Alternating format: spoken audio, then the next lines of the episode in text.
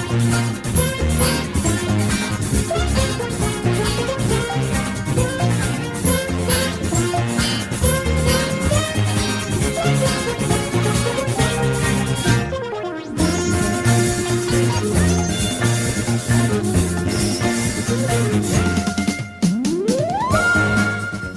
Velkommen indenfor her i studiet til øh, endnu en omgang øh, Bremer og Blædel her på Radio 4. Som det har været hele sommeren, så er der flyvende udskiftning i medværtsstolen. Tue, han er nemlig på ferie. Men hver uge, der rykker en øh, ny aktuel gæst ind på hans plads og hjælper mig, Amalie Bremer, med at guide jer igennem de allermest aktuelle sportsbegivenheder. Og øh, der er ikke rigtig noget, der er mere aktuelt end OL i Tokyo. For mens du hører det her, så bliver olympiaden skudt i gang over i øh, solens rige. Og derfor så har jeg allieret mig med en medvært i den her uge, der har hovedet dybt begravet i de olympiske lege i de her dage og uger. Det er nemlig Discoverys ankerkvinde til OL, sportsjournalist og studievært Mette Cornelius. Velkommen til. Tak, Amalie. Mette, øhm, hvilken disciplin, og du må kun vælge én. Oh. En eneste. Hvilken disciplin, øh, sportsgren, glæder du dig allermest til at se ved det her øh, OL? Og den synes jeg godt nok var tavlig. Øh... Jamen, så tror jeg, jeg må sige håndbold, fordi jeg elsker herrehåndboldlandsholdet, og de, de kan jo gøre det. De kan vinde guld for os. Så øh, nu får jeg kuldegysning bare, vi skal snakke om det. Det bliver en hård time, kan jeg mærke. det skal nok blive rigtig godt. Og jeg, jeg lover, at øh, du kommer til at kunne nævne mange flere sportsgrene, for vi skal selvfølgelig dykke helt ned i OL og alle de forskellige sportsgrene og discipliner, vi skal igennem. Og øh, i dag for os, det er øh, onsdag. Vi har nemlig optaget dagens afsnit på forhånd for øh, fredag, hvor det her program bliver sendt der er øh, du med det jo i fuld gang med OL-dækningen, og øh, med det så lad os bare komme i gang med øh, programmet. Og øh, med det, vi, vi kommer allerede lidt ind på OL-snakken her med, med håndbold, og du får gåshud og så videre. Der var jeg lidt hård ved dig, jeg sagde, at du kun måtte vælge en. Jeg vidste godt, det ville blive, øh, blive svært for dig. Øh, du har selvfølgelig mange flere, du glæder dig til, og også nogle af de her niche-discipliner. Øh, hvad vil du, hvad vil du øh, fremhæve der?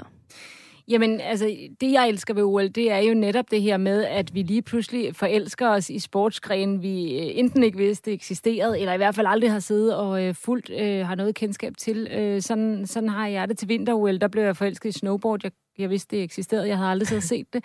Øhm, jeg glæder mig øh, til øh, jeg glæder mig til at se skateboard, som jo er øh, første gang øh, det er på øh, plakaten øh, ved OL, hvor vi har en, dans, en dansker med på 46 år. Altså. Han kan lige lukke sin skateboard-karriere med et OL. Det synes jeg er ret sejt.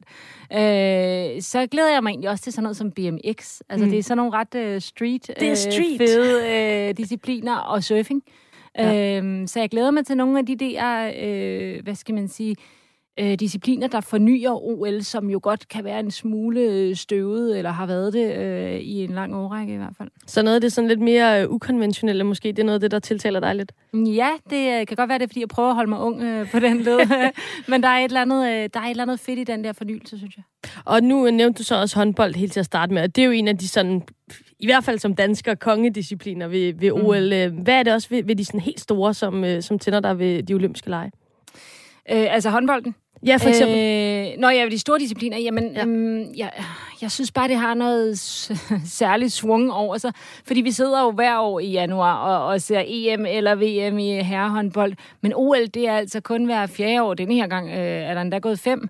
Øhm, så, så det er trods alt lige øh, lidt øh, højere oppe, hvis man kan sige det på allerøverst op på skamlen, øh, hvis man tager OL-guldet, som Danmark jo gjorde i 16, øh, og nu skal vi jo prøve at forsvare det. Det har vi aldrig prøvet før. Øhm, så, så jeg synes lige, at der kommer sådan en, en kry, hvis man kan sige det, oveni, og det kan man jo også høre på atleter. Øh, vi har lavet sådan nogle, øh, nogle nedtællings, OL-nedtællingsprogrammer, øh, fra der var 100 dage til OL øh, på Discovery Plus, og der, og der har vi snakket med atleter, altså det har været badmintonspillerne, det har været, øh, altså det har været alt, øh, og alle sammen siger det her med, men det er OL. Altså, der kommer sådan mm. lige en dimension, som dem, der ikke har været der før, ikke rigtig kan forberede sig på. Og dem, der har været der før, de siger nemlig det her med, at man tror bare, det er en turnering, men det er det ikke. Der er bare lige et eller andet ekstra øh, ved OL, og man bliver lidt overvældet. Øh, måske er det, og det er i hvert fald det, der, hvad kan man sige, er finden, øh, hvis man kan finde ud af at styre den der overvældelse. Øh, så, så jeg synes, øh, det, det har bare en, en større storhed over sig, end, øh, end alle de andre øh, turneringer, vi ser. Og nu var du selv inde på det her med, at vi har jo ventet et helt ekstra år. Altså, det var selvfølgelig meningen, at det skulle have været 2020, og så kommer det her forbandede coronavirus, mm. øh, så, så det er blevet udskudt år. Og det var også alt dit arbejde med OL, der er blevet udskudt et helt år. Hvordan har det været sådan helt personligt at, at skulle udskyde den her mega begivenhed? Jamen lige den del, synes jeg faktisk, øh, jeg har haft det okay med, fordi, fordi det var så tidligt, at vi kunne begynde at fornemme, at det skete, at jeg var ikke gået i gang med substansen, som jeg er i de her dage med, med at begrave mig i, øh, i OL. Men, øh, men det her med, at det har været så usikkert og uvist hele tiden, synes jeg har været svært. Der har hele tiden været så mange moskéer forbundet med det, og altså så sent som denne her uge, er der nogen fra arrangørens side, der siger, det kan være, at vi når at aflyse det. øh, og man kigger på sine kollegaer og tænker, det kan jo ikke lade sig gøre nu. Jeg har lige snakket med Jesper Nødesbo i dag, for eksempel, som er vores øh, håndboldekspert, øh, hvor vi sådan lige øh, snakker om, at vi, hvad vi skal snakke om her i øh, vores åbningsudsendelse øh, fredag aften. Og så, øh, og så siger han sådan, øh, jamen, øh, altså, ja, hvis der bliver en et OL, hvis der bliver en, øh, en håndboldturnering, så siger men det er jo gået i gang. Der er jo faktisk turneringer, der er gået i gang her i dag onsdag. Øhm, så jeg har det sådan, at nu kan de jo ikke øh, afblæse det, for nu er der noget, der er gået i gang. Men, men altså, så man, så man tager de halmstrå, man kan, og hiver fat i, og, og håber, at nu kører det bare. Men der kommer jo næsten stensikkert til at være et eller andet, mm. som bliver aflyst undervejs, tænker jeg. Eller i hvert fald nogle andre øh, favoritter, fordi der er nogen, der falder fra, og så videre. Øh, så det er sådan mere det. Øh, men det giver nogle andre, øh, det giver nogle andre øh, perspektiver på det, som, som også kan gøre det spændende. Det kan også gøre det fattigere, men det kan også give en, ja, en, en større spændingsdimension, hvis man kan sige det. Ja, der, der bliver i hvert fald nok at snakke om, og vi kommer også lidt tilbage til, til det her coronavirus-situation i Japan. Vi skal snakke med en, som, som bor i Tokyo og kan fortælle lidt om, hvordan øh, japanerne også ser på det. Men lad os lige blive ved med nogle af alle de her fantastiske sportsgrene. Jeg synes, vi skal høre et klip, fordi et af de øjeblikke, jeg i hvert fald kan huske fra, øh, fra OL i Rio i 2016, det er øh, en ung øh, debutant, som øh, vinder sølv i 50 meter øh, enerkajak. Og der er altså en øh, ret så øh, legendarisk kommentering øh, af, af vores kollega over på DR, da Emma Jørgensen hun roer sig til en øh, medalje. Lad os lige høre den her ned. Emma Jørgensen, nu skal du altså komme med det aller sidste her. Der er kun 100 meter tilbage. Emma Jørgensen, kan det blive til en dansk medalje? Det er tæt på. Kan det blive til en medalje for Emma Jørgensen? Det sidste, så ro det menneske. Det bliver til. Ja, hvad bliver det til? Det bliver til. Fotofinish mellem tre både her.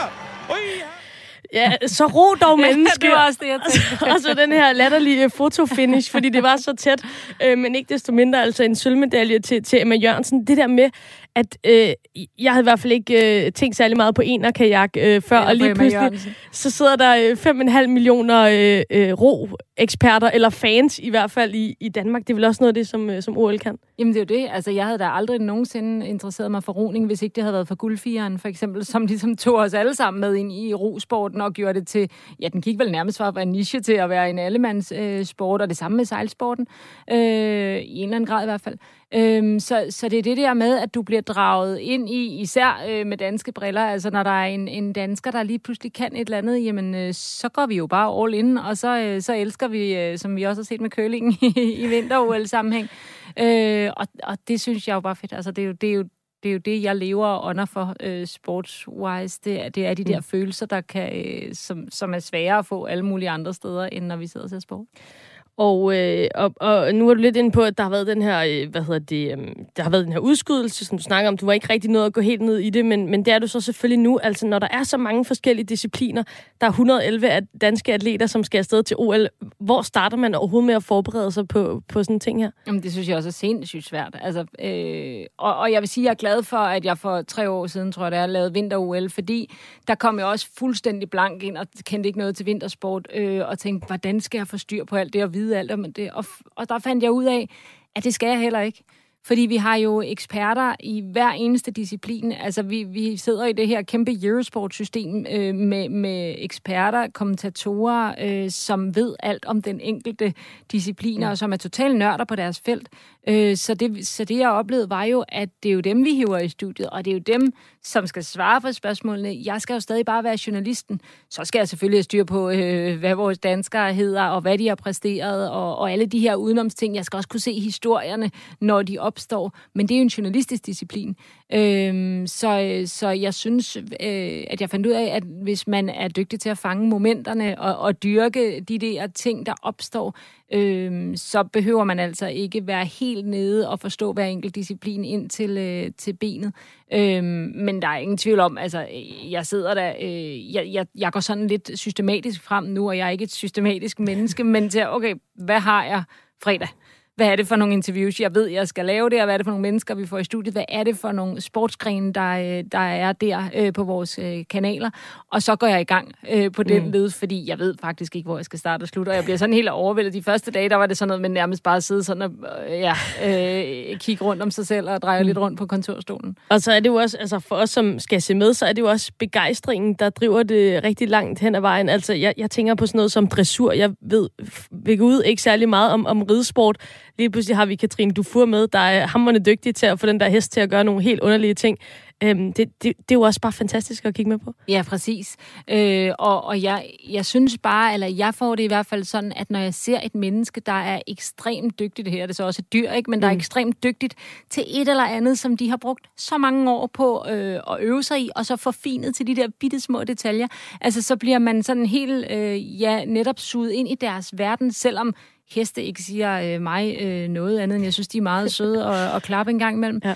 Øh, og sådan er det egentlig med, med det hele. Øh, og så synes jeg også bare, at jeg synes også, at vi har nogle øh, dejlige personligheder ja. øh, med øh, til OL, og også nogle, som vi ikke allerede nu ved er dejlige personligheder, men, men fordi de er så glade og begejstrede for deres sport, så for, forstår de også at smitte en, når de så fortæller om mm. den, øh, den der passion, der også kommer ud gennem øh, mikrofonen og, og hjem i stuerne til os andre. Så så jeg satte på masser af øh, forelskelser øh, under, under OL. Ja, det, det er også det, der er rigtig fedt, øh, og, og nu kommer det til at handle meget om de her nichesportsgrene, men de store skal, skal jo nok blive dækket, men netop det her, du siger, det er noget af det, der glæder mig så meget, at der er jo mega mange fantastiske livsværk derude, som har brugt hele deres liv på at gøre sig klar til lige præcis det her, fordi det passede med, at OL i 2020, nu bliver det så 2021, der var det der, hvor de skulle pike. Altså, der kommer vi jo til at, at få nogle åbenbaringer af nogle fantastiske øh, danske atleter, som bare øh, har givet alt for at, at repræsentere Danmark ved, ved OL.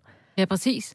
Og de er jo, altså, øh, og, og så er der mange, der, der diskuterer, eller der var en, der skrev til mig på Twitter, orker du OL uden tilskuer? Så havde jeg sådan, Øh, ja, det gør jeg.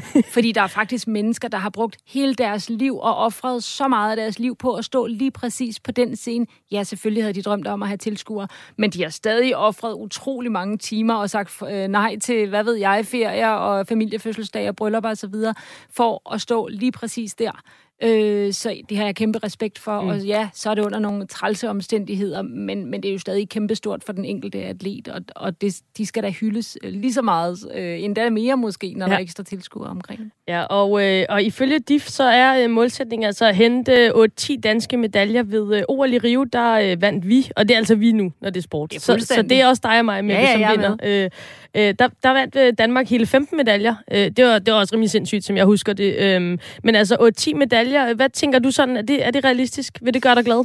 Og ja, det vil gøre mig glad. Ja, altså, ja. prøv at høre, hver enkelt detalje, detalje medalje vil gøre mig øh, glad, men, men, øh, men jeg tænker også sådan lidt, øh, da jeg så det der 8 til 10, okay, er det, er det kun det, vi går ja, efter? Fordi det var jo 15 i ja. men, men det var også, der var også nogen, der præsterede mere, end ja. man på forhånd havde øh, kalkuleret med osv. Så, videre. så måske er det fint nok, at vi sætter øh, baren på 8 til 10, fordi så kan vi jo øh, blive positivt overrasket, hvis der så kommer nogle af de der, der ikke på forhånd var udset til øh, medaljehåb. Øh, Ah, skal vi ikke sige, at vi skal op på 10? Jo, det aftaler du og jeg. Uden jeg har siddet og regnet på de enkelte ja. medaljehåb. og, øh, og så har vi jo øh, to danske fanebærer i år. Det er, det er atletik-stjernen, øh, synes jeg godt, man kan kalde hende, Sara Slot Petersen, og sejleren øh, Jonas Vare. Og øh, Sara Slot, jeg synes lige, vi skal høre et lydklip. Øh, det er endnu en gang fra, fra 2016, hvor at, øh, hun valgte sølv i Rio efter et øh, ret øh, vanvittigt hækkeløb. Lad os lige prøve at høre, det er vores øh, gode kollegaer fra, øh, fra DR, der fyrer den af. Og man kan endda også høre TV2 øh, skrige i baggrunden, så det kommer sådan lidt øh, forsinket, den kommer her. Hun kommer stadigvæk. Kom så, hold fast i den så.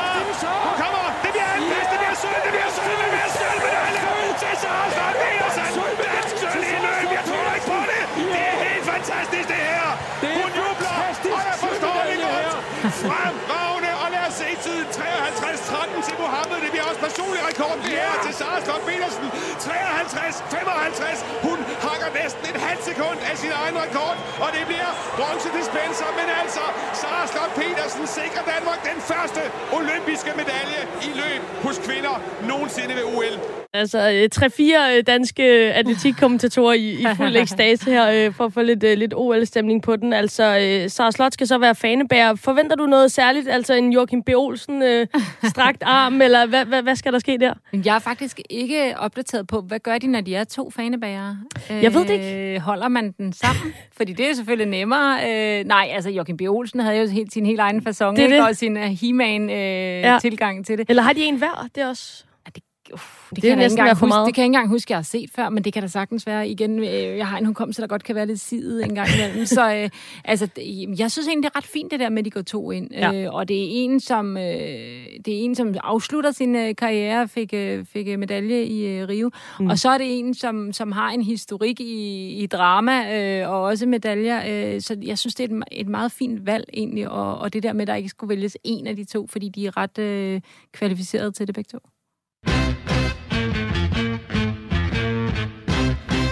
Og øh, OL i Japan, det begynder jo officielt i denne her uge. En af verdens allerstørste begivenheder. Et øh, mega-event uden lige. Altså noget, der burde være en fest og en fejring for alle i og omkring øh, værtsbyen. Og selvfølgelig også en masse, der kommer rejsende til for at se øh, noget fantastisk sport. Men ifølge en meningsmåling lavet af New York Times i starten af sommeren, så er hele 83 procent af japanerne imod lejenes indtog i hovedstaden. Og øh, det er ikke, fordi de hader håndboldspillere, eller roer, eller judokæmpere. Tvært imod, men det er selvfølgelig fordi, at situationen omkring coronavirus i Japan er ganske dårlig lige nu. Øhm, men en ting, det er, hvad der bliver rapporteret igennem medierne. Jeg kunne rigtig godt tænke mig at finde ud af, øh, hvordan har den helt almindelige borger det, altså dem, som, som går rundt på gaden i Japan, hvordan forholder de sig til OL her lige inden øh, startfløjt, og øh, derfor så ringede jeg i øh, morges hele vejen til Tokyo og til Christian Bros, som øh, er dansker og øh, japansk gift og bor i Japan i Tokyo-området, hvor OL altså skal øh, afholdes. Og jeg starter selvfølgelig lige med at spørge Christian, hvordan sådan den generelle coronasituation i Japan og Tokyo er lige nu. Det startede for et par måneder siden, hvor tendensen begyndte at være opadgående. Så begyndte man at indføre nogle af de her restriktioner øh, i forhold til, at ting skulle lukke tidligere, øh, der ikke måtte blive serveret alkohol og alt det her. Øh, så så man en nedadgående tendens igen. Øh, så begyndte man at åbne op, men så begyndte tendensen så at stige igen. Øh, om det så er på grund af de her nye varianter eller ej, det, det ved jeg ikke.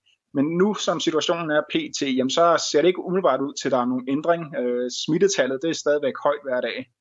Øh, ting man også skal være opmærksom på, i Japan her, der kan du ikke få en gratis øh, coronatest. Så alle dem, der rent faktisk bliver testet positivt, det er jo som oftest folk, der har haft nogle symptomer. Det er ikke bare folk, der har mødt op til en eller anden øh, quick-test et eller andet sted, for det eksisterer ikke rigtigt herover. Så det reelle tal, det er jo i virkeligheden nok også væsentligt højere, end øh, det man kan læse om i medierne, som i forvejen allerede øh, kommer til udtryk som at være højt. Jamen altså, ifølge Christian her, sådan en, en ærgerlig coronasituation i, i Japan, øhm, og, og som du selv var inde på, så, så har den politiske top omkring øh, organisationen af OL jo selv været inde på, at det kan stadig blive aflyst, selvom der kun er ganske få øh, dage og, og timer til. Altså nogle af disciplinerne er allerede startet simpelthen. øhm, hvor meget har corona fyldt i, i den forberedelse, I har lavet op til, til OL? Øhm, den har selvfølgelig fyldt meget oven i hovederne, øh, fordi at der hele tiden kommer de der forskellige meldinger. Øhm, men, men når det er sagt, så er den ikke fyldt mere, end at vi har jo måttet gå ud fra, indtil andet er bevist, at øh, der skal afholdes et øh, OL. Øhm, og, så, og så vil jeg sige, så, er der sådan, så, så har vi mere sådan en diskussion af, hvor meget skal vi lade det fylde? Øh, fordi det er jo en del af, af afholdelsen af det her OL, øh, så selvfølgelig skal det have en plads. Øh, men, men, men vi har også en forventning om, at når lejene først er i gang, så er det noget andet, der kommer til at fylde mere. Altså, jeg får kuldegysning bare, vi snakker om det. Jeg vil godt bare have det i gang. ja. Altså, for alvor i gang, ikke? Øhm, fordi nu har vi glædet os til det så lang tid. Øh, og, og jeg tror og håber, at, øh, at øh, lejene kommer til at overskygge coronaen. Men selvfølgelig er det noget, vi må tage dag for dag. Øh, det er også noget, hvor vi skal, altså vi hele tiden lige skal orientere os med måske danske eksperter og sige, hvor, hvor er vi henne på radaren mm. lige nu. Øh, og det kan også være, det er noget, hvor vi ender med at komme til at, at, at bruge rigtig meget krudt på det, og få gæster ind i studiet, der øh, er Søren Brostrøm-agtige, øh, fordi at det bliver dagsorden, men vi håber godt nok, at, øh, ja, at det bliver sporten, der kommer øverst på dagsordenen. Ja, og, altså en balance, og det er jo det, vi, vi også tænker som udgangspunkt her i Danmark, fordi der fylder corona måske ikke så meget i, mm. i vores hverdag, men, øh, men det gør det altså desværre for, for mange japanere, og, øh, og som jeg startede med at fortælle, så har der altså været sådan en rimelig hæftig modstand øh, øh, fra japanernes side imod afholdelsen af det her OL, og, øh, og den del, den spurgte jeg selvfølgelig også øh, Christian til, som, som er bosat i, i Tokyo-området, altså hvordan de helt almindelige japanere har det med, at der rykker sådan et, øh, et kæmpe event, som et OL øh, er, ind i landet, når nu corona stadig er, øh, er ret så præsent i japanernes hverdag. Mine opfattelse, det er, at de fleste er imod det. Øh, det er i hvert fald sådan, jeg umiddelbart opfatter det. Øhm, fordi, især fordi der har været de her restriktioner, jo, som er kommet i gang, øh, sammenholdt med, at folk ikke kan komme til Japan. Folk, der for eksempel er familiemedlemmer, øh, folk, der har koner, børn, forældre i andre lande, som på grund af restriktionerne ikke kan få lov til at komme ind til øh, Japan. Men sammenholdt, jamen, så har alle øh, de her atleter, jamen, de kan jo stadigvæk godt få lov til at komme til Japan, og det er noget, der har skabt rigtig meget frustration blandt befolkningen, øh, især sammenholdt det her med, at der er så mange restriktioner i, i dagligdags øh, livet, som gør, at det, for mange så ser de bare det her OL som noget, der nu skal det bare overstå, så de så allerhelst, at det bare blev aflyst, sådan, så vi kunne komme tilbage til noget, der minder om lidt en normal øh, situation. Ja, altså, det, det er jo ærgerligt. Det ligger sådan lidt en downer, det er ikke, fordi vi, vi skal nok komme tilbage til, til begejstring og, og al den spænding, vi har i forhold til OL, men det er, jo, det er jo så ærgerligt, når man tænker på, hvor stor en folkefest sådan et OL også bør være, og så er der altså øh, rigtig mange japanere, som Christian fortæller her, der, der simpelthen har den mentalitet, kan vi ikke bare få det overstået, så vi kan komme videre? Altså, det, det, det er jo bare så surt. Men vi oplevede det jo lidt i, i forbindelse med EM også, øh, fordi at England nu havde så central en rolle i, i afholdelsen af, af EM, øh, fordi de havde både semifinaler og, og finale. Og der havde vi jo også diskussionerne, og jeg synes da også, øh, jeg, jeg, kunne, jeg kunne da også mærke, der skete noget på min retfærdighedsfølelse over, at øh, politikerne, de danske politikere, måtte rejse til øh, Wembley, men vores danske fans ikke måtte. Øh, der er jo hele tiden denne her for imod, og hvem må, hvem må ikke. Øh, men, men nu har vi måske ikke set øh, he, fået hele regningen for, for EM endnu, men vi så jo, at øh, det i et langt stykke hen ad vejen godt kunne lade sig gøre at afholde øh, de her øh, begivenheder. Øh, og japanerne, hvis der er nogen, der har altså styr på tingene. Der, det var trods alt delt ud over hele Europa, øh, med meget forskellige, eller meget store kulturelle for, øh, forskelle fra Baku til, til Rom måske, eller til, øh, til København. Øh, jeg har bare meget tiltro til japanerne, men jeg ved også godt, det er en drilske øh, størrelse, de har med at gøre. Øh, så selvom de gør deres bedste, kan de jo ikke stoppe hvad som helst. Nej, og, og den her folkefest, som sådan et, øh, et OL selvfølgelig skulle være, det er det jo også langt hen ad vejen, fordi at dem, som bor i landet, jo så kan komme ind og se nogle mm. af alle de her øh, fantastiske begivenheder, som et OL bringer med sig. Men det er jo så desværre ikke muligt for japanerne. Altså, de får ikke engang den guldrod, at de kan, mm. kan opleve et OL på, på tætteste hold, øh, på grund af, at, at tilskuere ikke må komme ind til rigtig mange af disciplinerne. Og, og den del talte jeg selvfølgelig også lige med, med Christian om. Øh, nej, ikke som det er nu. Øh, I Tokyo-området, der er der fuldstændig lukket for alle former for tilskuere. Øh, der er nogle øh, enkelte spil, som bliver spillet uden for Tokyo-området, hvor der er sådan en begrænsning i forhold til, hvor mange der må komme ind. Der må godt komme lidt mennesker ind, men sådan langt størstedelen af alle de her øh, spil, der kommer til at være under olympiske lege, jamen, det bliver uden tilskuere. Ja, altså øh, uden tilskuere, øh, rigtig mange af det, men der kommer også nogen, øh, som, som kommer til. Altså, hvad, øh, når, når I... Øh, og, og det skal jeg lige huske til gengæld var der jo så en uh, bjørn, der, uh, der sniger ind uh, til ja. uh, softball-åbnings Hvad var det for noget? så der kan godt komme nogen, det bliver bare nogle Der er nogle japanere, nogle japanske dyr, der får noget ud af det. typer inden, ja. ja. uh, nej, jeg skal lige huske at sige, det var selvfølgelig Christian Bros, der var med her fra, fra Tokyo for at fortælle lidt om, om coronasituationen. Altså, øhm, selvfølgelig vil alle gerne have, at der kommer tilskuere, men som du siger, øhm, så skal de atleter, som har forberedt sig, selvfølgelig også øh, have hele oplevelsen med. Altså, hvad, hvad gør I som, som dem, der skal dække sådan en her begivenhed, for ligesom at, at give den måske et nyk ekstra, når nu der ikke er tilskuere? Jeg ved ikke, om vi gør så meget, altså, men man kan sige, at vi kan jo læne os ind i og op af, at vi lige har haft et øh, helt år mere eller mindre øh, fodboldmæssigt uden øh, tilskuere. Mm. Så vi er jo på en eller anden øh, måde vant til, at øh, der, der kan godt øh, foregå sport øh, uden tilskuere. Øh, så jeg tror, vi må tage det sådan lidt hen ad vejen. Altså, jeg, jeg må indrømme, jeg bruger ikke så meget energi på det, fordi øh, igen, så tror jeg, at begejstringen ved, det enkelte, ved den enkelte event, fordi der er så lang tid mellem, vi ser det, øh, godt kan tage over. Øh, jeg kan i hvert fald godt lidt glemme, øh, når jeg er i det, at vi mangler tilskuerne. Selvfølgelig giver det noget mere, mm. øh, at de er der. Øh, men ja, skal vi ikke, prøve, skal vi ikke satse på, at, at, at begejstringen altså simpelthen fylder mere end, end hvad kan man sige, øh, ærgerligheden over dem, vi mangler? Jo, og så, så håber vi jo selvfølgelig, at der er en masse øh, fantastiske danske atleter, som kan være med til at, at, at tænde op under den der begejstring, også selvom at der desværre mangler tilskuere på øh, lægterne. Ja. Og øh, når sådan en stor sportsbegivenhed som øh, de olympiske lege står for døren, så, så ved vi jo også, at øh, om man ved det eller ej, så åbner det for en, øh, en politisk kampplads, øh, især i, i de her tider. Og, øh, og der er de øh, olympiske lege selvfølgelig også en øh, arena, hvor der både i fortiden og også i nutiden er blevet taget nogle øh, kampe. Og det er nogle af de emner, som øh, vi godt kan lide at dykke ned i i det her program. Og, øh, og det skal vi selvfølgelig også øh, tale om i dag, altså hvad OL betyder i, i en sportspolitisk sammenhæng, øh, både historisk, men selvfølgelig allermest i dag. Og en mand, som kan hjælpe os øh, med det, det er øh, Stanis Elsborg, som er senioranalytiker hos øh, Play the Game. Og ham øh, ringede jeg til lidt tidligere, og først og fremmest så bad jeg ham nævne et nedslagspunkt, hvor at øh, OL øh, især er blevet benyttet som et politisk redskab.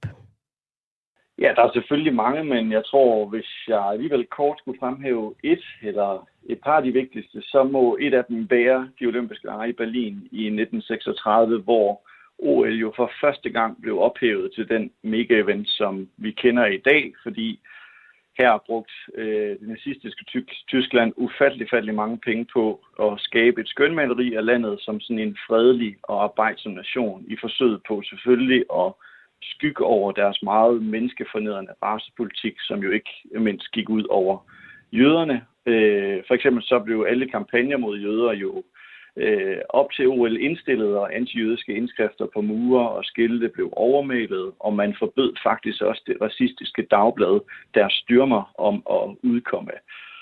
Og hvis jeg så alligevel må nævne et eksempel mere, så vil jeg næsten sige, at jeg vil nævne en hel epoke, nemlig under den kolde krig, hvor sport og politik jo for alvor blev blandet sammen. Fordi her blev OL øh, løftet til endnu større politiske højder, hvor det kommunistiske øst og det kapitalistiske vest jo ligesom kunne konkurrere om, hvem der repræsenterede det mest overlegne samfundssystem. Og der blev landsholdsatleter, altså atleterne i virkeligheden sådan en form for udsending, som jo på en eller anden måde var ambassadører i træningsvagter for de her forskellige regimer. Ja, altså det, det er en debat, som fylder rigtig meget i de her dage øh, med VM i Katar og knælen og regnbueflag og, og så videre. Men, øh, men som vi hører Stanis her, så er det altså ikke noget nyt, at politik på en eller anden måde har snedet sig ind i de her øh, store sportsbegivenheder.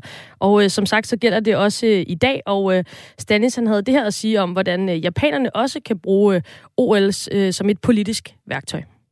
Jamen, jeg tror først og fremmest skal man gøre sig det klart, at øh, alle OL jo er et politisk prestigeprojekt, og det gælder også for den japanske politiske elite. Øh, og for dem, ligesom for alle andre værtsnationer, så gælder det om at præsentere det bedst mulige billede af landet. Og så vil man formentlig også her ved det her OL øh, gennem åbningsceremonien blandt andet slå på den meget dragende og fantastiske japanske kulturhistorie inden for jo både billedkunst, øh, det japanske teater, tegneserier, kampkunst, og så vil coronapandemien selvfølgelig i en eller anden form også øh, blive fremhævet, ligesom man nok vil lave referencer tilbage til Tokyo i 1964, som jo signalerede, at Japan igen var accepteret verdenssamfundet, da de afholdt OL. Ja, altså med det nu skal I øh, dække OL 360 grader øh, på Discovery de næste mange uger. Øh, hvordan forholder man sig til de her politiske historier, der unægteligt vil komme under OL? Øh, er det noget, I også kommer til at beskæftige jer med, eller er det 100% det sportslige? Nej, det bliver jo øh, den dagsorden, som øh, er selvfølgelig af sporten i centrum øh, hos os øh, altid. Øh, men, men vi så jo under øh, EM for nylig, at, at der kommer også andre øh, ting i spil lige pludselig, fordi, at, øh, fordi en organisation øh, håndterer øh, nogle, øh, nogle ting, der opstår øh, på en øh, noget øh, fjollet måde, øh, kan man sige, om UEFA i hvert fald. Øh, så, så skulle der lige pludselig øh, opstå situationer af politisk karakter, så må vi jo også, øh, altså så kommer vi til at ringe til de mennesker, som, øh, som har forstand på det, og så enten få dem ind eller sende vores reporter ud, så vi også kommer der omkring. Fordi det er OL fagner jo bredt, øh, og, og vi vender ikke det blinde øje til, øh, hvad der end måtte ske. Øh, men vi håber trods alt, at, øh, at igen, at det bliver mere glæde og begejstring end, end de der øh, trælse historier, som der var en del af under EM, synes jeg, som, som jeg håber, der bliver lidt færre af under øh, OL. Ja, og du har ret i, at som du siger, altså nu, nu er jeg også bare en forbruger, der ser rigtig, rigtig meget sport, og, og nogle gange så kan man godt få indtryk af, at, øhm, at de her rettighedshavere, som har på tv, og som jo har et fantastisk produkt, som de har betalt rigtig, rigtig mange penge for, de kan godt blive lidt trætte af, at oh, nu er der dårlig stemning igen omkring et eller andet med UEFA, eller nu er der nogen, der har dummet sig herover, eller der var nogen, der blev ked af det, eller sure, eller havde et dumt banner, eller et eller andet mere. Så det, det kan godt føles som om, det bliver en lille smule underdækket. Øhm, hvordan, hvordan kan det være, at, øh, at det er sådan, tror du? Mm, det er ikke en følelse, jeg har, øh, eller det er ikke sådan, jeg føler, at, øh, at det er noget, vi ikke... Øh, jeg kan jo kun tale for os selv, mm. men at vi ikke vil berøre. tværtimod, så synes jeg, vi har mange diskussioner om de ting, som til redaktionsmøder, om de ting, som, som opstår øh, til vinter-OL, som jo var i øh, Sydkorea øh, for tre år siden, der var der jo hele det her Syd-Nordkorea-aspekt, som jo var meget politisk, og der havde vi også eksperter i, øh, i Syd-Nordkorea, konflikten inde i studiet osv. Så, videre. så øh, jeg synes, når, når det har en relevans øh, for, for den begivenhed, vi står øh, midt i, øh, og, og det sted, vi befinder os, øh, så selvfølgelig skal vi dække det. Øh, så, så må vi se øh, på dagen, er det der, hvor Danmark vinder alle deres medaljer, så kan det godt være, at det ikke fylder lige så meget, som det havde gjort på en, på en lidt mere øh, tynd øh, medaljedag. Øh, men, men, men det kommer vi helt sikkert til at beskæftige os med. Det er bare svært at sige på forhånd, mm. øh, hvor meget øh, det kommer til at fylde. Og, øh, og, og en, som måske giver et bud på, hvor meget det kommer til at fylde, det, det er Stanis, for han følger med i, i, i rigtig mange af de her ting, og, og hvordan den her atletaktivisme også øh, udvikler sig. Og øh, i det olympiske charter, der er noget, der hedder regel 50, som øh, forbyder politiske statements ved øh, lejene. Og derfor så spurgte jeg også øh, Stanis, hvad vi sådan kan forvente os af, af det her OL i Japan, når det kommer til atletaktivisme, som vi i hvert fald i den grad har set meget af ved andre store sportsbegivenheder den seneste tid. Ja, jeg tror i hvert fald, at vi vil se flere atleter, end vi øh, gjorde ved de øh, foregående vinterolympiske lege i Pyeongchang i 2018, eller også ved Rio i, øh, i 2016. Altså, vi vil nok se flere former for enten politiske demonstrationer eller eller protester, hvor man gør opmærksom på, at man ikke, øh, eller man siger nej til racisme eller homofobi, som vi har set i fodboldverdenen her øh, i løbet af sommeren. Og det tror jeg jo, at den internationale olympiske komité egentlig ikke rigtig er klar på. Fordi noget af det, der står tilbage nu, det er, at der stadig er meget, meget stor tvivl ved mange atleter om, hvordan den her 50 egentlig vil blive håndhævet, hvis man nu for eksempel øh, har et regnbuefarvet armbånd på, eller et par strømper, der er i regnbuefarver. Altså, hvad vil det så, konsekvensen så egentlig være? Og øh, der ved vi bare nu, at IOC ikke mener, at man skal øh, lave nogen former for demonstration eller politisk, racemæssig eller religiøs propaganda, som de kalder det, ved ved, øh, ved off- offentlige ceremonier, eller under konkurrencerne, eller på medaljeskammen. Og øh, derfor tror jeg, at vi vil nok se en stor kreativitet med mange atleter forsøge at udtrykke sig øh, i forhold til den ene eller anden samfundsmæssige øh, problemstilling. Altså med den her stand Stanis her, så bliver jeg bare så spændt. Fordi jeg elsker sådan noget. øhm, altså, jeg, jeg synes, det er fantastisk, når der er nogle atleter, som øh, udtrykker sig på en eller anden særlig måde. Og det, det kan være alle mulige forskellige slags budskaber. Det behøver ikke at være regnbuefarve, men nogen, som viser deres personlighed på en Jamen, eller anden jeg måde. Jeg sidder og tænker på strandhåndboldlandsholdet øh, ja. fra Norge. Det, det kvindelige øh, landshold, som fik, som fik en bøde øh, mm. forleden, fordi de valgte at stille op i øh, små, virkelig små de shorts. De var stadig ret små. altså, jeg vil ikke have dem på i hvert fald. Øh, virkelig små øh, shorts, i stedet for de der øh, små trusser, de plejer at spille i. Så jeg er da for eksempel spændt på, hvad gør beach øh, volley-turneringen? Hvad gør mm. kvinderne der? Er der nogen, der sympatiserer og, og viser? Fordi der er vi jo over i samme boldgade, vil jeg sige. Mm. Og jeg har undret mig gennem mange år, hvorfor de skal spille i de trusser, for det må ikke være specielt rart. Øh, så, så det er jo også en, øh, et, politisk øh, statement, mm. øh, selvom det netop ikke er regnbuefarvet eller noget. Øh, og, og det, altså, jeg hilser det velkommen. Jeg synes, det er fedt, når der er nogen, der, der tager stilling og, og viser noget øh, personlighed, øh, og at de, at, de, at de tør. Og det er jo en tid, vi er i, hvor, hvor, man, øh, hvor flere og flere holdninger bliver legale af. Ja, det, det var mit næste spørgsmål. Altså, hvad, hvad giver det øh, af, af særlig krydderi? Altså, jeg synes jo, der er jo måske 95 procent af, idrætsudøverne, de, de stiller sig op, og så får de nogle spørgsmål, de prøver at svare, de forholder sig til, hvad for et resultat, der lige er blevet lavet. Og så er der altså nogen, det bliver flere og flere, som du siger, der, der, der rører sig lidt mere, tegner lidt uden for stregerne på en eller anden måde. Øh, hvad giver det for dig, også bare som sportselsker, at der er nogle atleter, som er på den måde? Jamen, jeg kan da meget bedre identificere mig med øh, en, en atlet, der er et menneske. Altså, der viser, at de er et menneske, og ikke bare en kamp ad gangen, et løb ad gangen, øh, en bold ad gangen sågar. Øh, det bliver, det bliver meget mere, det bliver meget nemmere, ja, at, at, at finde den der identifikation, og, og, og også fordi, så bliver der jo også nogen, der repræsenterer dine holdninger, og der vil være nogen, der gør det modsatte, mm. så du kan også på en eller anden måde bedre tage stilling til de her atleter. Øhm, det, det, det bliver en smule mere, eller en del mere favorit, og, og mindre, ja, hvad kan man sige, sådan politisk korrekt det hele, og, og det kan jeg, øh, som du selv, øh, egentlig meget godt lide. Og øh, inden at øh, jeg slap Stanis, som altså er senioranalytiker ved øh, Play the Game, så bad jeg ham om at give sådan en form for øh, status på den her bølge, hvor sport og politik øh, har været rigtig meget på dagsordenen i, i rigtig mange tilfælde. Øh, hvor den her bevægelse på vej hen? Er der en intensivering på vej, eller er der en modbølge på vej? Øh, og hvordan og hvorledes? Og øh, til det, der svarede Stanisen her.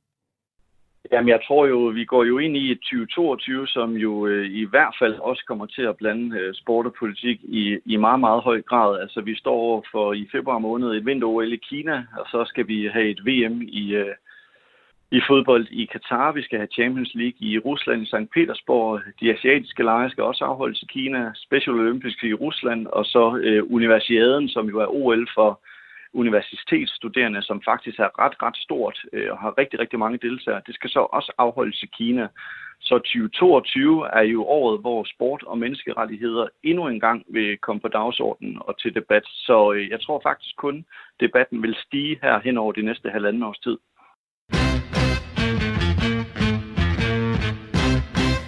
Vi er i fuld gang med øh, Bremer og Cornelius, som programmet så hedder i dag, fordi mm-hmm. min medvært over for mig, det er nemlig dig, Mette Cornelius, øh, sportsjournalist og studievært på Discovery, som øh, dækker lejene i Tokyo de næste uger.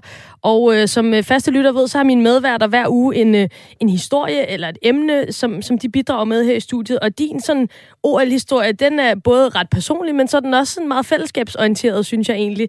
Øh, det handler nemlig både om en meget ung Mette Cornelius, som forelsker sig i, i sport og i OL, og så handler den også om den der følelse som et helt folk, altså hvordan man kan blive knyttet sammen øh, på baggrund af, af sport. Lad os starte med det personlige først, altså OL i Barcelona i 92 og 96 i øh, Atlanta. Det er sådan de to olympiader, som du forelsker dig i først. Ja, og, og jeg tror ikke, at min øh, historie adskiller sig fra særlig mange andre øh, sportselskers, øh, men, men, men min, hvad kan man sige, øh, kærlighed til sport øh, opstod øh, 92, som vi alle sammen har som fikspunkt, også der var født i hvert fald, øh, da, da Danmark øh, vinder EM øh, i juni måned. Øh, så går der jo ikke så lang tid, så er der heldigvis øh, et OL, og jeg vil sige, den, øh, den ild, som øh, EM 92 tændte i mig, det var der, det gik op for mig, okay, det kan, altså, det kan noget, det her sport. Øh, de følelser øh, og, og, de, og, og de, øh, den, det fællesskab, du fik med fremmede på gaden, fordi vi havde et, et fodboldhold, vi var stolte af hver især. Øh, det, det dragede mig helt vildt. Øh, og så var der jo så OL i øh, Barcelona øh, ja, en måneds tid senere, øh, hvor øh, Brian Nielsen stod og svingede, måske ikke så elegant, øh, men øh, med numsen op i øh, bokseringen. Øh, og, og det, jeg ved ikke, om jeg synes, det var så øh, kønt, men, men, men der var et eller andet, åh, det var fedt, og det var en mm. dansk måde at gøre det på. Jesper Bank, han øh, vandt guld. Øh, så synes jeg, sejlsport var fedt. Og, og det der med øh, den der hype, der bare kørte videre, og det var som om, vi det jeg fik sat, øh, jeg fik sat gang i min egen sportskærlighed, øh, men der skete også et eller andet med befolkningen i forhold til, hvor, hvor fælles vi var om, øh, om at dyrke de her, øh, de her øh, personligheder, men også de her sportsgrene, der lige pludselig var, var rigtig vigtige for os. Øh, og så, så, i, øh, så året efter 93, det er jo der, hvor håndbold kvinderne, øh, deres storhedstid starter, da de vinder øh, VM. Øhm, og det røg jeg også bare full blown på. Jeg var, øh, ja, jeg var 11, da vi vandt øh, EM, så jeg har også været i de der år, hvor man sådan meget identif- øh, finder en eller anden sin egen personlighed. Mm. De er sådan meget identitetsskabende, og det blev virkelig en sports... Øh, identitet, jeg gik med. Øh, så jeg blev sådan helt vild med de der håndboldkvinder, og, øh, og, og i årene der fra 93 til de så vinder guld i 96 i Atlanta, øh, der, der skulle jeg bare dyrke de der kvinder for fuld øh, gas, og det var, det var at tage til, øh, hvis, hvis de var i Roskildehallen og spille en landskamp, som øh, skete, så skulle jeg derned, og alle steder, de, de kom jo ud og, og gav autografer rundt mm. omkring i store øh, øh, supermarkeder og store centre og sådan noget, hvor jeg også hvor jeg også øh, havde min øh, gang. Og så, øh, men, men jeg havde den der, åh, jeg kunne næsten ikke få nok. Og dengang var der jo ikke sociale medier, øh, så vi kunne ikke sådan lige øh, følge med i, hvad Marianne Florman eller Connie Hamann, de rent der lavede øh, til daglig, som, som man måske kan få dækket lidt behov øh, med i dag. Øh, så øh, mig og mine veninder, vi, og jeg er lidt bange for, at det måske lidt var, var mig, øh, der var forgangskvinde øh, på det, fordi jeg var sådan den mest sportsinteresserede øh, blandt øh, veninderne. Men vi øh, ringede simpelthen til nummeroplysningen, og så øh, fik vi øh, jo selvfølgelig bare øh, nummerne på en Dorte Tannerup over i... Øh, der var jo ret mange Viborg-spillere dengang, ja. så det var nærmest bare at afsøge Viborg til, til telefonbog i det offentlige, de offentlige registre. Så fik vi nogle telefonnumre på de her øh, landsholdskvinder, og så ringede vi øh, rundt til dem. Og jeg ved egentlig ikke rigtigt, hvad vi ville. Jeg tror bare, vi ville sige hej. Øhm, og mange af dem var jo ret søde, fordi de var, ja. det var i deres spæde karriere, kan man sige, så de ja. havde ikke fået nok og for meget af... I var de første, der ringede. vi var i hvert fald... Ja, de, havde, de var ikke blevet overfodret, tror Nej. jeg, endnu. Så nogle af dem var faktisk rigtig søde. Der var også enkelte, der synes det var ret irriterende, at vi ja. ringede og forstyrrede, men det kan jeg sådan set godt forstå. Jeg tror også, de fleste har hemmelige numre den dag i dag øh, af sportsstjerner. Du kan jo på ingen måde gøre det her. Til gengæld kan du følge dem sociale medier i dag. Ja, øh, ja og så 96 peakede det jo med... Øh, med Anja Andersen og, øh, og resten af håndboldlandsholdet, der, øh, der tog guldet. Øh. Så, men, men den der følelse, øh, fællesskabsfølelse, som bare kunne rykke så meget i mig, men, men også det der med at, at løbe ned på gaden, og så kendte du lige pludselig alle og fik en gratis sodavand ned hos dem, der havde sat havebordet ud på, øh, på fortoget og så videre. Det øh, tændte øh, noget helt vildt i mig, så øh, jeg, jeg fik engang mine forældre til, vi kørte ned til Gudmehallerne, ned øh, GOG's øh, hjemmebane, bare fordi jeg håbede, jeg ville se Nikolaj Jakobsen komme gående ud af den. Øh, jeg ved ikke, what the odds are, men, øh, men Claus Jakob Jensen kom gående, så ja. det var næsten nok. Øh, så, så, ja, så jeg dyrkede det bare rigtig, rigtig meget, og det gjorde rigtig mange jo i, i den... Øh, generation, som, øh, som jeg er en del af. Det synes jeg også, man kan se med det EM, vi lige har haft nu, at nu kommer den der følelse igen, mm. øh, og det var egentlig det, som rørte mig mest under det her øh, netop overstået EM. Det var, at ho, nu begynder det faktisk at føles som, øh, som dengang jeg selv voksede op i, øh, i de her glade øh, sportstider? Ja, altså, jeg var fire år i 92. Det har jeg sagt mange gange i det her program, og det er, fordi det ligger mig på sinde næsten hver dag, at jeg ikke kan huske, hvad der skete i sommeren 92. Satans. Men så har jeg jo så oplevet, øh, og det er ikke, jeg tror, min identitet, den er efterhånden skabt færdig, men ikke desto mindre, så nød jeg det rigtig meget. Altså, den her øh, nationalfølelse, som du også siger, man, lige pludselig så møder man øh, en eller anden Karsten nede på hjørnet, der også har en landsholdstrøje på, og så svinger man bare, øh, fordi at, at man begge to er, er glade for, for fodbold. Altså, øh, hvad, hvad, hvad er det for et fællesskab, som, som sport kan skabe? Jamen, det er jo, det, det bryder nogle barriere. Altså ligegyldigt, øh, lige pludselig er det ligegyldigt, øh, om du kender ham derovre, eller om hende der normalt vil være en, du snakkede med. For er begge to landsholdstrøjer på. Øh, mm. Øh, vi, vi levede, øh, mig og min familie levede lidt i vores landsholdstrøjer øh, under, øh, under EM, og, og det gav da nogle snakke med mennesker, som vi normalt ikke var faldet i snak med, bare fordi, at øh, enten at vi havde landsholdstrøje på, eller både de og vi havde det. Øh, man, det der med, at man lige pludselig fra at være individualister, der måske koncentrerer sig mest om sig selv og sin øh, iPhone eller mm. et eller andet, så, så vendte man sig mod hinanden og så hinanden og snakkede med hinanden, selvom øh, det eneste, vi havde til fælles, var, at vi øh, tydeligvis øh, holdt med Danmark. Øh, og så, så, det, så det kan bare skabe en enorm øh, kraft og en enorm positivitet og, og glæde, øh, som jeg synes øh, måske er tiltrængt efter, efter, hvad kan man sige, at vi har haft en årrække, hvor, hvor der er mange... Øh, debatter, som sådan øh, deler os, og mm. øh, hvor, hvor der er meget hård retorik politisk øh, og på sociale medier og alt muligt andet, så var det altså tiltrængt med denne her vitaminindsprøjtning, hvor vi bare var på samme hold alle sammen. Og, og øhm, jeg tror, hvis man lige har hørt dig tale her de sidste 10 minutter, så er det ret tydeligt, at du bare er kæmpe fan af sport. Øhm, og, og nu er du så sportsjournalist, og du skal dække de her ting. Altså, hvordan, hvordan balancerer man de to ting? Altså den her helt barnlige begejstring for sport, og så samtidig også skulle være journalist, der skal vægte ting og sager og stille farlige spørgsmål osv. Altså, hvordan, hvordan gør man det? Og jeg har ikke, jeg har ikke sådan en manual for det, fordi jeg er bare sådan meget intuitivt øh, menneske, som er i det, der nu øh, kommer til mig. Øh, jeg skal have en masse Kleenex øh, med i studiet, fordi jeg kommer, jeg, jeg kommer til at grine og græde øh, på øh, de rigtige og de forkerte tidspunkter garanteret øh, og med atleterne, men, men samtidig kan jeg jo kan jeg også godt tage den professionelle maske på, sådan lige trække mig, i hvert fald lige efter, trække mig tilbage, og så se, okay, men hvorfor gik det ikke for, for det her store medaljehåb, mm. eller, øh, og, og, øh, og ellers har jeg jo en medvært, der, der lige kan øh, tage over, når, øh, når, ja. når tårerne presser sig mest på. Øhm, men, men, det, men det er jo også, altså, det er jo også bare det, sport kan. Det er jo netop det her med at vække nogle følelser i os, der måske får lov til at ligge øh, lidt langt nede øh, til daglig, men lige pludselig kommer op i fuld flor, fordi vi også ser på skærmen og hører på skærmen øh, dem, som, øh, som, ja, hvad kan man sige, øh, bliver sårbare, mm. øh, men, og på godt og på ondt.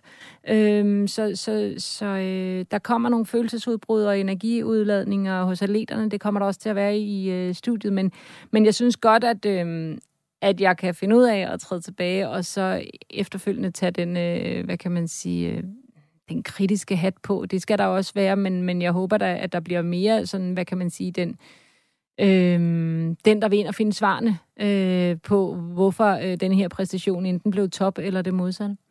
Så altså, øh, det her med at tage følelserne med, nu siger du også, at du kan, du kan blive helt rørt, og du sidder også her for gåsehud, når vi mm. snakker om det og sådan noget. Og det, det er også okay at tage med ind i, i, i studiet, når, øh, når det i hvert fald er dig, der, der sidder bag mikrofonen? Altså, der, der, der er ikke andre måder, vil jeg sige, for mig. Øh, det er sådan meget full-blown. Øh, og, det, og, og, og prøv at høre, det er også det, OL øh, skal kunne og skal være, i hvert fald hos os øh, på Discovery. Øh, mm vi, vi, vil gerne være, vi vil godt være det gode selskab. Øh, det er sådan set det, vi er der for. Det er at være danskernes selskab fra klokken 9 om morgenen til klokken 6 om aftenen. Øh, og, og hvis danskerne er helt op at køre ude i stuerne over en eller anden præstation, og vi sidder som sådan nogle stenmennesker, der slet ikke har registreret øh, det følelsesmæssige, det vil jeg godt nok ikke føle mig øh, set af, hvis jeg var seer. Øh, fordi ligesom at vi snakkede om før, at atleterne godt må være mennesker, at vi godt kan lide, når vi kan mærke de mennesker, jamen os, der sidder og formidler, vi, vi er jo også mennesker. Øh, jeg vil i hvert fald hellere øh, se, øh, se tv, som, øh, som jeg kan mær- hvor jeg kan mærke mennesket, end, end hvor jeg bliver lidt i tvivl om det er en dukke, der sidder der, eller en robot. Øh, så, så ja, man, man får, øh, jeg vil sige, man får det hele øh, hos os, øh, men vi skal nok også være professionelle, når vi lige har øh, tudet færdigt. så altså masser af begejstring og, og følelser, det det, glæder jeg mig i hvert fald personligt til at opleve, fordi det er noget af det, der gør øh, sport ekstra fantastisk. Og øh, noget, der også er fantastisk, det er, at Danmark har fået en OL-sang. Hvad siger du så? Ja, den øh, er ret fed. Altså, øh, jamen det er det, vi skal finde ud af. Det danske band øh, Carpark North, de har sammen med øh, DR's pigekor lavet en, øh, en hymne, tror jeg godt, man kan kalde den. Fordi det der med følelser, det er i hvert fald også øh, til stede i, i den sang, der er blevet lavet her til de danske atleter, som skal i gang med at forsvare de rød-hvide farver i Tokyo. Det er øh, absolut glimrende. Jeg kan godt lide det. Øh, men hvordan er den her sang så? Det er det, vi skal finde ud af nu med det. Øh, fordi vi, vi kan ikke lave det her program uden lidt smagsdommeri. Det må vi gerne. Og, øh, og hvem er bedre til at bedømme sådan en OL-sang end, øh, end os to? Jeg tænker ikke. Øh, nej, jeg kan næsten ikke. Øh, måske nogen med lidt musikalske... Nej, nej, det synes jeg ikke. Det er jo sportsfans. Det er jo også, den er lavet til os to, blandt andet. Det, det er rigtigt. Øh, så så øh, hvordan griber vi det an? Altså, jeg har lidt erfaring med den slags. Øh, fordi øh, Ture og jeg, vi anmeldte selvfølgelig også Alphabets EM-sang. Hvad, hvad, helt kort, god, dårlig, hvor er du på den? Ja, den blev jo ikke spillet særlig meget, Nej. når man var inde og se kampe i parken. Det synes jeg måske siger, at den ikke ramte folkesjælen helt, som, øh, som andre kampe har gjort. Jeg synes faktisk, når man har hørt den nogle gange, så voksede den lidt på mig, men, men, men den ramte ikke øh, plet, tror jeg. Nej. Øhm, det, det var pænt sagt. Var I enige i det? Ja, det var vi. Det var vi. Vi var også vi var lidt under middel. Øhm, men vi, vi havde en række kriterier, som vi ligesom gav stjerner under, og så lavede vi en, en, en hvad hedder sådan en fælles bedømmelse til sidst. Og kriterierne, det lyder således, der er noget, der hedder lololo-faktor. Altså, kan den lulles til, øh, når man sidder på atletikstadion, eller hvad det nu kan være. Så er der den her nationalfølelse. Hvad vækker den i os? Er det noget Danmark? Er det noget lækkert? Får vi lyst til at svøbe os i Dannebro fuldstændig, når vi hører den?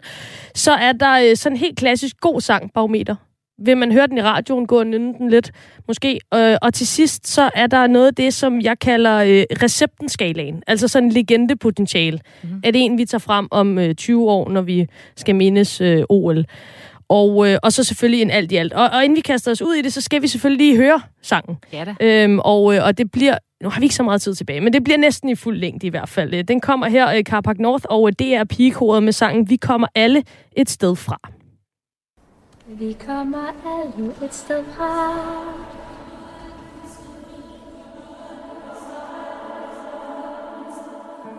Siden jeg kunne gå, har jeg drømt om at løbe.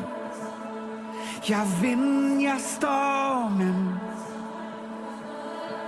Siden jeg kunne springe, har jeg drømt om at flyve.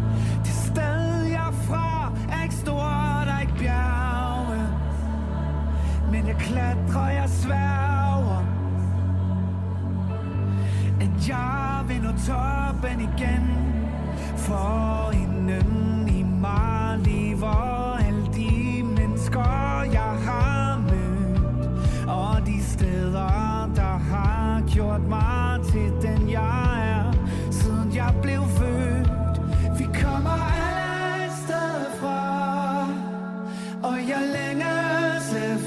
efter svar Hvis jeg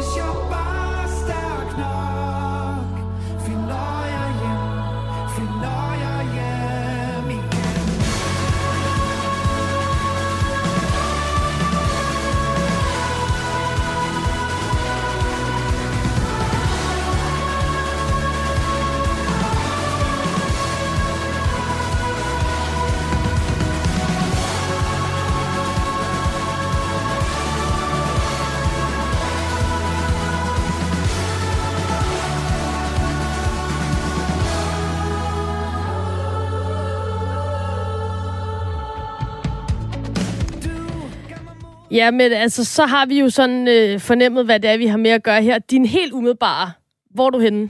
Sådan glad, negativ? Ej, jeg er totalt øh, på toppen over den der Okay. sang. Øh, jeg, jeg synes, den har øh, nærmest alle, øh, alle, hvad hedder det, komponenter, der skal ja. til.